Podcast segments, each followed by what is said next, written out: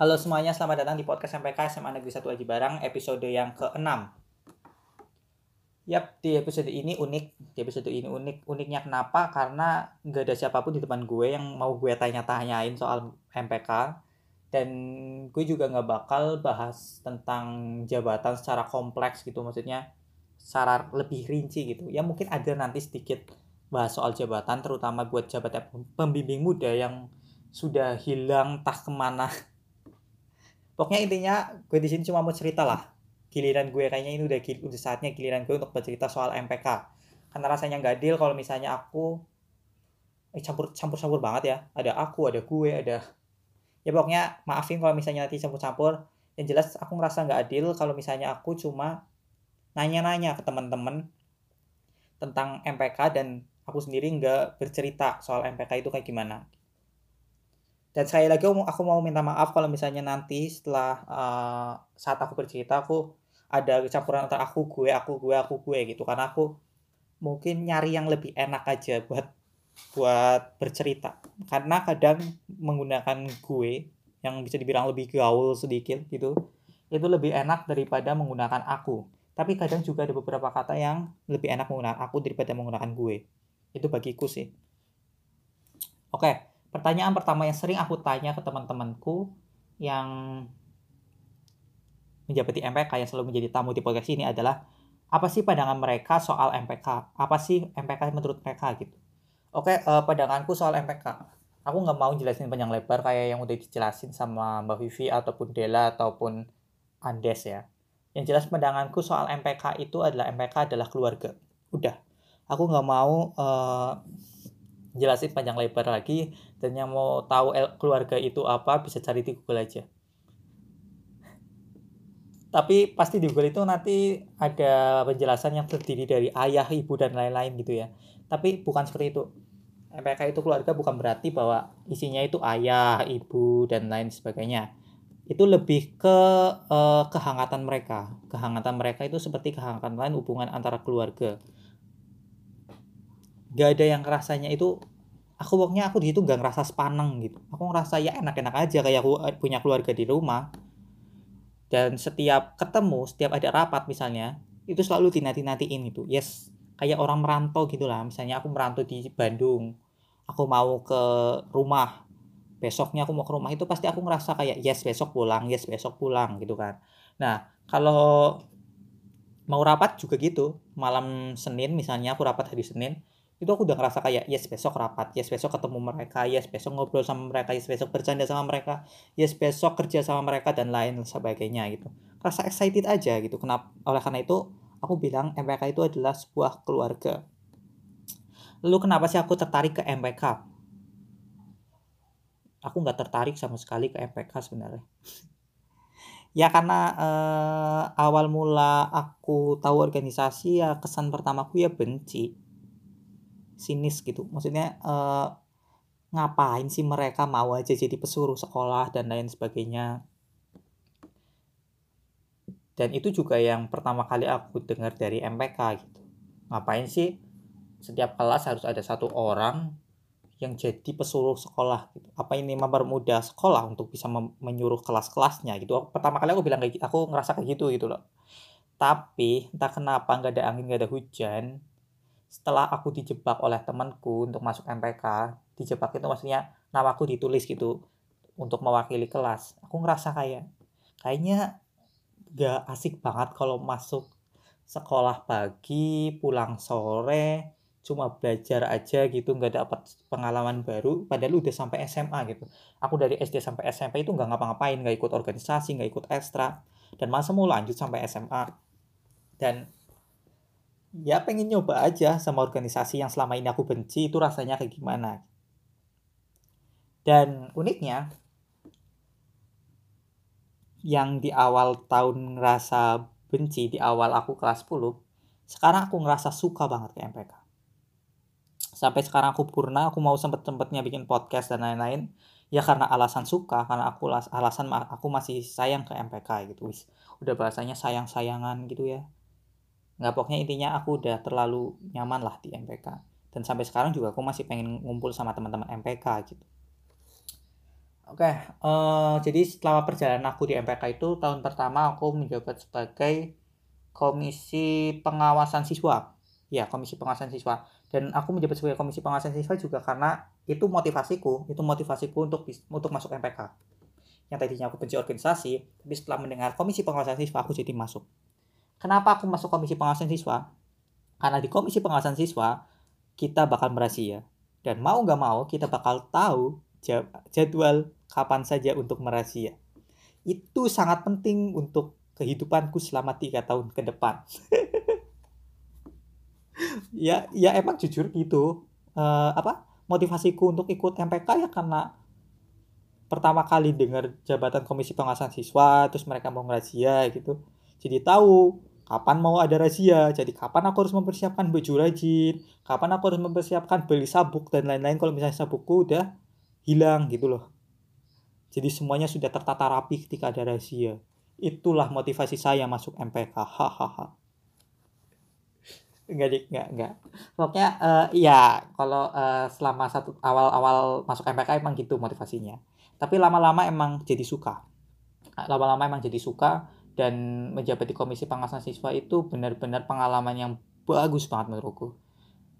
Karena uh, kita kesampingkan soal rahasia dulu lah ya. Kesampingkan soal rahasia karena ya rahasia ya rahasia tapi yang unik dari komisi pengawasan itu kan ada dua nih komisi pengawasan siswa dan komisi pengawasan organisasi. Uh, singkat aja ya karena nanti bakal terjelasin lagi secara lebih detail. Yang jelas komisi pengawasan siswa itu lebih ke yang orga, uh, rahasia-rahasia gitulah bisa dibilang kayak gitu. Terus komisi pengawasan organisasi itu yang mengawasi organisasi seperti namanya. Dan biasanya itu mereka nginep-nginep gitu. Dan asiknya di komisi pengawasan itu adalah nginep-nginepnya itu. Jadi kayak asik aja gitu walaupun aku bukan komisi pengawasan organisasi tapi buat nginep-nginep gitu di setiap acara sekolah itu nyenengin. Dan bareng teman-teman MPK yang tanpa ada rasa senioritas di antara kelas 11 dan kelas 10 jadi itu nambah asik nambah asik dan nambah petah tentunya dan selama satu tahun perjalanan selama satu perjalanan di MPK itu juga uh, banyak yang aku pelajarin mulai dari kayak uh, kepemimpinan, terus pengorganisasian dan lain-lain itu banyak banget yang bisa aku pelajarin di situ. Walaupun mungkin banyak banget yang bilang MPK ngapain aja sih, MPK selama satu tahun ini ngapain aja sih dan lain sebagainya gitu. Gue jujur nggak pernah dengerin itu. Dan oh ya itu nanti bakal ada yang nanya, itu nanti bakal ada yang nanya dari teman MPK dan bakal terjawab juga.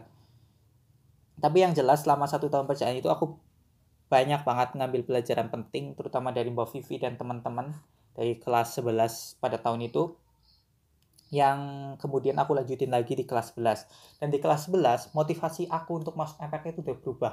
Aku bukan pengen tahu jadwal rahasia lagi karena setelah aku pikir-pikir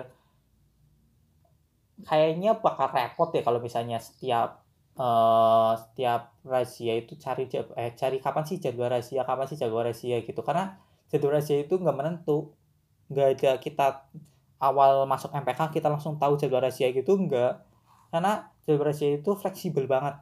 Tergantung teman-teman dari organisasi lain tergantung dari teman-teman dari komisi pengawasan dan ya banyaklah banyak uh, faktor pendukung lainnya kita mau melaksanakan rahasia kapan gitu. Jadi di tahun kedua aku punya motivasi untuk ikut MPK karena tanggung jawab. Karena tanggung jawab di tahun pertama aku udah masuk MPK dan tahun kedua aku ngerasa aku punya tanggung jawab untuk ikut MPK lagi dan kalau bukan aku siapa lagi dan di tahun kedua aku menjabat sebagai komisi eh bukan komisi aku menjabat sebagai pembimbing muda. Ya aku menjabat sebagai pembimbing muda itu jabatan yang paling absurd yang paling rancu kerjanya menurutku tapi kalau dia tanya aku bangga apa enggak ada di jabatan itu, aku bangga. Kenapa aku bilang aku bangga di jabatan itu? Karena jabatan itu adalah pertama adalah jabatan yang tinggi dan tugasnya pasti tanggung jawabnya pasti berat, tapi enggak seberat ketua umum karena ketua umum harus ketua umum itu lah ya menurutku ya. Ketua umum itu sebuah icon suatu organisasi gitu. Misalnya ketua umum MPK gitu. Itu kayak simbolnya, simbolnya MPK. Jadi attitude attitude uh, eh, MPK juga tergambar dari orang itu dan aku ngerasa nggak cocok di jabatan itu itulah kenapa aku bangga di jabatan pemimpin muda yang nggak terlalu menjadi gambaran MPK itu seperti apa tapi memiliki jabatan yang tinggi gitu wih pintar ya pintar gadik tapi kalau dibilang aku apa namanya aku suka atau enggak berada di jabatan itu aku ngerasa enggak suka. Aku ngerasa enggak suka. Aku bangga tapi aku nggak suka. Nggak sukanya karena aku bingung aku mau kerja apa di situ. Itu bener-bener rancu banget gitu loh. Pemimpin muda itu bener-bener rancu. Ya mungkin rancunya karena di SMA kita itu baru gitu ya. Kalau di SMA 2 itu kan udah berjalan lama dan mereka udah mungkin semakin lama itu semakin berkembang jelas. Semakin lama itu pasti semakin berkembang kayak misalnya komisi aspirasi. Komisi aspirasi itu semakin lama pasti semakin berkembang hingga pasti puncaknya. Puncaknya itu kemarin di tahunnya Mas Ilham bisa dibilang seperti itu kan. Tapi bukan berarti setelah itu itu menurun. Itu enggak. Itu pasti selalu berkembang untuk uh, menciptakan sesuatu yang lebih baik walaupun nggak ada progres yang sebaik di tahunnya Mas Ilham seperti membuat batik dan lain-lain. Itu kan uh, tergantung siswanya juga kan. Tapi dalam uh, apa namanya proses pengumpulan aspirasi dan lain-lain itu sudah berkembang jauh dan kalau pemimpin muda pun uh, diteruskan itu pasti bakal berkembang jauh juga. Tapi setelah uh, berjalannya aku selama satu tahun menjadi pemimpin muda aku sempat mikir kayak gini. Kayaknya kalau misalnya sekalipun diterusin itu bakal berat banget. Karena aku juga ngerasa berat. Karena itu benar-benar rancu. Dan itu benar-benar ganggu kekuatannya ketua umum gitu. Ya gimana yang jelasinnya ya? Yang jelas aku ngerasa bahwa aku itu terlalu di pemimpin muda gitu ya. Aku tuh terlalu ngerasa kayak sebenarnya aku nggak ada itu nggak apa-apa di jabatan itu loh. Karena udah ada ketua umum. Jadi ngapain ada pemimpin muda gitu loh. Karena ya kembali lagi yang aku bilang tadi bahwa di tahun pertama adanya pemimpin muda itu benar-benar rancu nggak tahu kerjanya itu apa. Walaupun di job desk di uh, apa namanya ADART itu udah tertulis jelas tugas-tugasnya seperti apa. Tapi saat pelaksanaannya itu benar-benar rancu. Dan waktu uh, akhir tahun aku udah voting loh. Aku voting ke teman-teman yang masih kelas 10 yang mau lanjut ke kelas 11 karena ini kembali lagi ke mereka mereka yang akan menjalani gitu loh. Aku voting mau ada mau ada pemimpin muda lagi atau enggak dan aku sebagai uh, panitia di reorganisasi reorganisasi sebelumnya itu dapat suara bahwa mereka lebih condong untuk meniadakan pembimbing muda. Berarti kan ini uh, selama satu tahun mereka sadar bahwa pembimbing muda itu buat apa ada. Dan aku juga ngerasa kayak gitu. Dan aku juga salah satu yang voting bahwa pembimbing muda mesti eh di kan tidak ada. Dan akhirnya di tahun selanjutnya pemimpin muda tidak ada. Aku nggak tahu nanti tahun-tahun selanjutnya pemimpin muda bakal ada lagi atau enggak. Tapi uh, saranku kalau misalnya ada sekalipun itu harus dipelajarin lebih lebih dalam lagi gitu lah ya. Bok, nanti jadinya kayak aku gitu anaknya. Bukan berarti aku nggak ngasih yang terbaik di tahun itu tapi aku ngerasa bingung aja. Aku tetap berangkat rapat aku tetap uh, kalau ada kerja aku selalu berangkat dan lain-lain gitu. Cuman aku ngerasa aku di MPK waktu itu tuh ya gitu tanpa aku juga kayaknya nggak apa-apa deh gitu. Karena ya pokoknya gitulah dijelasin dijelasin aja susah gitu kan pemimpin muda. Apalagi tugasnya rasain coba. Ya intinya gitu. Jabatan pemimpin muda adalah jabatan terancu yang ada di MPK SMA Negeri 1 Aji dan sayangnya saya yang berada di situ. Terus uh, setelah lulus dari MPK, wis lulus masku purna dari MPK. Setelah purna dari MPK, aku ngerasa banyak banget yang udah MPK kasih buat aku. Mulai dari membentuk kepribadianku yang tadinya liar. Kalau kalau kata temanku itu yang tadinya liar kayak monyet sekarang sekarang itu udah baik lagi kayak manusia gitu. Karena di SMP itu aku hampir dipindahin sekolah, aku juga uh, hampir tidak naik kelas karena masalah aku sering tidak berangkat, sering melanggar aturan dan lain-lain. Tapi di uh, eh, SMA itu setelah masuk MPK itu benar-benar berubah drastis gitu loh. Berubah drastisnya ya itu karena aku setiap aku jalan juga aku ngerasa bahwa aku itu anak MPK gitu. Jadi kayak bukan beban ya, tapi kayak suatu penghargaan yang harus aku pertanggungjawabkan gitu loh. Ketika apalagi kalau pakai jas MPK gitu pasti buat jalan aja itu harus mikir harus pakai dasi harus pakai sabuk dan lain-lain gitu. Tapi ya itu bukan beban juga karena itu suatu kebanggaan gitu loh. Dan kita sebagai siswa emang harus menaati aturan cuman bedanya di sini adalah kita sangat wajib menaati aturan tapi dengan prestasi yang lebih tinggi daripada siswa biasa lainnya sedangkan siswa biasa lainnya itu mereka wajib menggunakan aturan nggak ada sangatnya ya tapi emang harus wajib. Tapi emang sangat wajib sih tapi lebih sangat lagi organisasi gitu. Dan mereka cuma siswa biasa gitu. Itu yang yang itu yang bisa aku banggain itu prestasi prestasi yang bisa aku banggain gitu. Setiap aku jalan sebagai MPK gitu. Dan selain merubah pribadiku MPK juga merubah pandanganku soal organisasi. Itu jelas itu jelas merubah pandanganku soal, soal organisasi.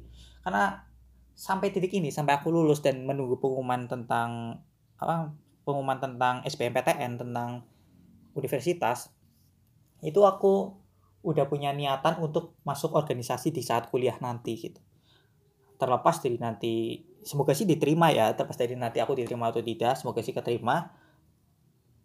Aku pengen mengisi waktu-waktu kuliahku itu dengan organisasi juga walaupun banyak orang bilang e, organisasi itu enggak kayak SMA organisasi itu lebih sibuk daripada eh, organisasi kuliah itu beda sama SMA kuliah itu lebih sibuk daripada SMA dan lain sebagainya. Tapi yang aku rasain waktu pertama kali aku masuk SMA juga gitu. Mereka juga bilang kayak gitu. SMA itu beda dengan SMP SMA itu lebih sibuk daripada SMP kamu masuk organisasi itu bakal lebih susah lagi banyak punya tekanan lagi gitu dan lain sebagainya. Dan banyak yang bilang kayak gitu juga waktu kuliah itu menurutku udah biasa gitu loh. Dan kalau kita belum coba ya kita belum tahu kan. Dan contoh aja MPK aku awalnya nggak suka tapi kenapa sampai sekarang aku malah ketagihan malah pengen ikut MPK lagi gitu kan. Dan yang terakhir yang paling penting adalah MPK itu merubah pandanganku soal menghormati aturan. Di mana pun loh ya di mana pun hingga aturan sekecil membuang sampah sekalipun itu sangat aku usahakan untuk bisa uh, apa namanya menaatinya gitu. Karena dari SMA udah dilatih sebagai orang yang wajib banget ikut mengikuti tata tertib gitu. Se sesusah-susahnya tata tertib itu gitu loh. Kayak misal memotong rambut uh, sesuai dengan aturan. Itu bisa dibilang buat cowok itu susah banget gitu loh susahnya kenapa? Karena ya mungkin kalau buat anak-anak atau teman-teman dari paskip atau apa pun yang suka menggunakan rambut yang pendek itu itu suatu yang gampang gitu. Tapi buat uh, siswa-siswa biasa itu suatu aturan yang susah gitu. Karena gue tahu karena aku tahu bahwa teman-teman SMA masa-masa SMA gitu gue pengen menarik perhatian lawan jenisnya lah ya pengen rambutnya lebih baik dan lebih panjang dan lain-lain gitu. Karena mereka anggap rambut yang pendek itu nggak bagus rambut panjang lebih bagus dan lain sebagainya aku tahu itu dan itu aturan yang susah. Tapi uh, setelah ya banyak terlatih gitu di SMA untuk selalu mengikuti aturan jadi sampai sekarang pun aku masih selalu kayak berusaha untuk ikut aturannya walaupun mungkin ya ada satu dua yang colong-colong gak ikut aturan. Kayak misalnya misalnya apa ya? Buat nyari al buat nyari misalnya aja kesusahan kan? Karena saking seringnya mengikuti aturan wis. Nggak nggak. Tapi tetap ada tetap ada yang nggak sesuai aturan. Tapi dengan MPK terlatih untuk lebih banyak lagi mengikuti aturan dan lebih menghormati lagi adanya aturan itu. Apa kan pada bilang atur aturan itu ada untuk dilanggar. Menurutku enggak. Aturan ada itu untuk dihormati. Aturan ada itu untuk kita taati agar tidak suatu hal yang buruk yang menjadi alasan kenapa aturan itu ada. Karena aturan itu ada itu kan bukan bukan yang kata mereka untuk dilanggar dan lain-lain karena aturan ada itu untuk membatasi seorang untuk tidak melakukan sesuatu yang bisa menyebabkan hal buruk gitu kan. Dan uh, dengan kita menaati kita akan menghindari hal buruk itu. Gitu dong seperti kayak yang rambut itu aturan rambut. Kenapa kita harus menaati? Ya karena agar kita nggak di rahasia dan kita nggak terpot dipotong oleh Bu Yuni atau Pak ini ataupun siapa pun gitu. Dan alasan kenapa rambut nggak boleh panjang juga karena itu mengganggu pembelajaran gitu kan. Contohnya seperti itu loh. Dan aku jadi semakin tahu untuk selalu menghormati aturan. Jadi gitu sih uh, apa cerita MPK ku. Singkat banget ya. Padahal cerita MPK ku itu sebenarnya panjang lebar dan lain-lain. Tapi cerita soal MPK dari sudut pandangku dari ya pokoknya lebih kompleksnya lagi itu udah aku ceritain di bukuku di buku kucing pesakitan yang ada di perpus SMA Negeri 1 Aji Barang yang mungkin gak bisa kalian baca nggak bisa kalian baca karena sekarang lagi pandemi. Dan aku cuma pengen promosi aja karena takutnya bukuku nggak laku di perpustakaan SMA Negeri 1 Aji Barang jadi aku pengen promosi siapa tahu jadi ada yang baca walaupun satu dua. Oke, langsung aja lah ya ke pertanyaan-pertanyaan dari teman-teman MPK walaupun cuma dua karena aku waktu itu semalam itu uh, tanya ke teman-teman MPK dari dari yang menjabat sekarang ada nggak sih yang mau tanya ke aku? Gitu. Aku mau record nih, mau ngisi episode yang seharusnya episode untuk bercerita tentang MPK tapi aku nggak punya tamu yang bisa diundang pada hari ini. Gitu. Jadi aku mau bercerita soal diri aku sendiri. Dan aku nggak punya stok episode untuk eh aku nggak punya stok episode. Aku nggak punya stok pertanyaan yang terlalu banyak jadi aku mau minta teman-teman dari MPK SMA Negeri Solo Juarang untuk tanya ke aku. Dan hasilnya cuma ada dua pertanyaan. Tapi pertanyaannya unik kok. Uh, mungkin aku bakal sedikit kesusahan ya buat jawab ini. Pertanyaan pertama adalah apa tanggapanku soal orang yang mem yang mempertanyakan kerja MPK seperti MPK sih ngapa orang keton kerja? gitu. MPK sih ngapain? Kok nggak kelihatan kerjanya gitu apa sih di sini tanggapanku ya? Bodoh amat sih tanggapanku. Tanggapanku bodoh amat. Sumpah aku bodoh amat. Karena sebenarnya gini penghargaan dengan terlaksananya suatu kerja di MPK itu adalah kepuasan akan diri aku sendiri. Itu yang menurutku loh ya itu menurutku. Aku bodoh amat mau gimana tanggapan teman-teman di luar MPK aku mau aku bodoh amat sama yang namanya ya walaupun aku ngerasa aku aku ngerasa uh, apresiasi dari teman-teman sekolah apresiasi dari teman-teman uh, di luar MPK itu buat kerja MPK itu sangat besar ya. Kayak mereka uh, apa menghormati aspirasi dan lain-lain itu aku sangat mengapresiasi mereka gitu. Tapi ketika mereka bilang bahwa MPK itu nggak kerja dan lain-lain aku bodoh amat banget. Aku bodoh amat dengan kritik mereka gitu jadi ya itu tanggapanku ya aku bodoh amat karena penghargaan dengan baiknya kinerja MPK dan aku selama di MPK itu kepuasan diri aku sendiri. Jadi aku telah membuat yang terbaik buat sekolah aku telah berbuat yang terbaik sekolah organisasi aku telah mengerjakan tugas dengan baik dan benar itu kepuasan kita gitu. Kita nggak perlu uh, apa namanya uh, apa apresiasi dari siswa jelas perlu tapi bukan penghargaan kayak wih MPK hebat banget MPK bisa ini MPK bisa itu. Kita sama sekali nggak perlu kayak gitu. Kita cuma perlu di, uh, dihormati kita buat aturan dihormati dan lain sebagainya. Dan soal MPK sih ngapain orang nggak kelihatan kerja dan lain-lain ya itu kan menurut mereka. Menurut kita menurut kita yang melaksanakan kita udah kerja kita udah pusing sana sini dan lain-lain udah mengevaluasi bla bla bla bla bla gitu memperjuangkan apresiasi emang memperjuangkan aspirasi. Dan itu kan kepuasan buat kita. Dari komisi aspirasi bisa bisa memperjuangkan aspirasi kepuasan buat komisi aspirasi. Komisi pengawasan bisa mengawasi organisasi kepuasan untuk eh, komisi pengawasan gitu. Jadi aku bodo amat lah sama yang bilang sampai kasih ngapa ora ora keton kerja dan lain-lain gitu. Karena udah selama dua tahun juga udah sering banget denger kayak gini. Karena kita itu kan emang kerja di balik layar ya bukan di lapangan gitu. Dan menurutku sah-sah aja juga mereka bilang kayak gitu. Dan sah-sah aja juga untuk kita bodo amat dengan mereka. Oke pertanyaan kedua. Karena pertanyaan kesatu kalau diterusin bakal emosi deh. Oke yang kedua ya, pernah nggak ngerasain kalau anggota MPK itu lebih bergantung ke pemimpin muda? Dan apa tanggapanku mengenai ini? Terima kasih, semangat selalu dalam produktivitas di hari-hari yang gabut ini. Terima kasih kembali telah menyemangati saya di hari-hari yang gabut ini. Kenapa harus ya bagus sih menyemangati gitu. Tapi aku jadi malu. Siapa sih ini yang tanya? Citra ya? Abadela atau Andes atau teman-teman kelas 10, Lintang, Nafal atau siapa pun. Atau ya pokoknya langsung ke pertanyaannya aja lah ya. Pernah nggak sih ngerasain kalau anggota MPK lebih bergantung ke pemimpin muda? Aku ngerasa bahwa aku di MPK aja nggak ada juga nggak apa-apa gitu kan aku tadi bilang kayak gitu. PI muda mau ada di MPK atau enggak juga nggak apa-apa.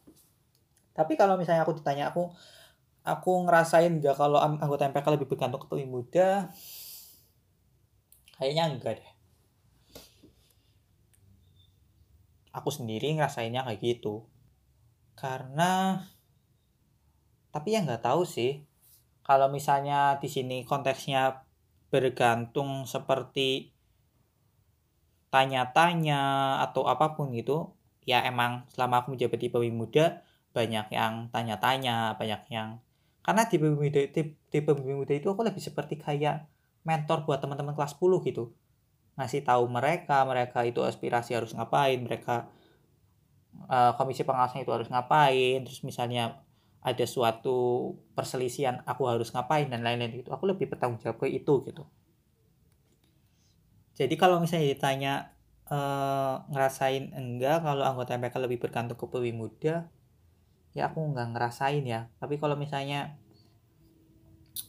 bergantungnya ke soal tanya-tanya terus jadi paham dan lain-lain ya aku ngerasa itu mah karena ya itu tanggung jawabku tapi ya kembali yang kembali lagi ke tadi yang aku bilang bahwa PWI muda aku mau ada ataupun tidak di organisasi itu sama aja. Itu sama aja rancu. Kalau ketua umum lah kalau ketua umum ada atau enggak itu berdampak banget. Karena mereka icon mereka icon. Dan kalau uh, teman-teman ngerasain eh teman-teman ngerasa kalau bergantung ke Pui Muda ke aku aku juga ngerasa bahwa aku bergantung dengan ketua umum gitu. Ya karena kalau teman-teman misalnya minta saran ke aku minta apa memberikan hasil kerjanya ke aku aku juga memberikan hasilnya ke ketua umum gitu. Jadi ketika teman-teman bergantung ke aku aku juga bergantung ke ketua umum. Jadi ya mau kembali lagi bahwa yang tadi aku bilang bahwa aku ada ataupun tidak itu ya sama aja Pawi muda itu mau ada atau enggak itu sama aja nggak ada yang beda. Yang terpenting itu adalah ada atau enggaknya seorang ketua umum. Itu lebih penting. Karena buktinya sampai sekarang satu tahun berjalan kalau uh, apa jabatan pemimpin muda itu dihilangkan ya fine fine aja kan. Ketua umumnya masih bisa berjalan dan malah lebih jelas tugasnya apa. Dan menurutku di tahunku ketua umum itu bakal lebih ngerasa kayak aneh gitu. Karena di sampingnya itu ada pemimpin muda yang emang harusnya nggak ada gitu. Ya mungkin kalau di SMA negeri 2 Purwokerto itu muda udah berjalan lama dan udah tahu harus ngapain tapi di tahun pertamaku saat menjadi muda itu aku benar-benar ngerasa terlalu mengganggu ketua umum gitu. Terlalu mengganggu jalurnya ketua umum. Karena aku cuma jadi jembatan teman-teman buat aku bertanggung jawab dengan ketua umum gitu. Ya seperti itu sih aduh kenapa sih kalian pada bikin pertanyaannya yang benar-benar susah kayak gini gitu loh? Ini kalian ini pasti dari yang udah pernah tanyain ya ini kalian balas dendam apa gimana sih? Tapi oke deh. Terus uh, ya udahlah ya kayak segitu aja kayaknya ya. Terakhir aku cuma mau kasih saran buat teman-teman yang mau lanjut periode selanjutnya buat teman uh, terutama buat teman-teman yang sebelumnya menjabat. Aku cuma mau bilang bahwa kalau bukan kalian itu siapa lagi gitu. Seperti yang aku punya seperti aku punya motivasi di kelas 11 kemarin kan aku punya tanggung jawab aku punya tanggung jawab bahwa kalau bukan aku siapa lagi itu itu juga berlaku buat kalian. Kalian juga punya tanggung jawab kalau bukan kalian siapa lagi? Kalau MPK tanpa kalian ya siapa lagi? Kalau MPK nggak punya orang-orang kayak kalian MPK mau gimana? Gitu kan intinya kayak gitu. Walaupun kalian waktu kelas 10 sepertiga bekerja apa pun itu lebih baik daripada kalian nggak ikut sama sekali. Maksudku walaupun waktu kelas 10 kalian ngerasa nggak kerja apa pun terus kalian ikut lagi itu lebih baik daripada kalian yang kerja udah hebat banget terus tahun depan itu nggak ikut lagi. Itu justru lebih baik karena kalian bisa menjadi seorang yang mengajarkan ke teman-teman uh, kelas 10 bahwa kayak gini loh komisi aspirasi yang lebih baik. Kita ayo loh kita uh, bangun MPK yang lebih baik di tahun sebelumnya. Karena kalian udah punya gambaran MPK tahun sebelumnya itu kayak apa sih dan lain sebagainya. Ya jadi gitu sih saranku untuk teman-teman yang dari kelas 10 ke kelas 11 kalau bukan kalian siapa lagi? Udah itu aja. Terus uh, saran buat teman-teman yang baru masuk MPK yang baru masuk MPK dan ya bukan baru sih yang mau yang mau masuk MPK aku cuma pertama kali aku mau bilang adalah selamat berjuang. Selamat berjuang yang mau memperjuangkan MPK dan yang sekiranya satu kelas itu cuma satu orang dan dengan PD dengan PD-nya diterima karena sekelas cuma satu itu kan kesempatan diterima tinggi ya. Tapi kan itu lihat lagi ke attitude kalian. Kalau attitude kalian baik itu ya kalian bakal langsung diterima. Tapi kalau attitude kalian buruk ya enggak gitu. Jadi untuk yang satu kelas satu aku cuma mau bilang selamat datang di MPK dulu. Wis selamat datang di MPK tapi untuk yang teman-teman yang uh, setiap perwakilan kelasnya itu ada 2, 3, 4, 5, 6, 7, 8, 9, ataupun 10 selamat berjuang buat kalian. Sungguh MPK itu benar-benar tempat yang bagus untuk diperjuangin. Dan semoga periode selanjutnya lebih baik daripada periode periode-periode sebelumnya. Terima kasih. Wassalamualaikum warahmatullahi wabarakatuh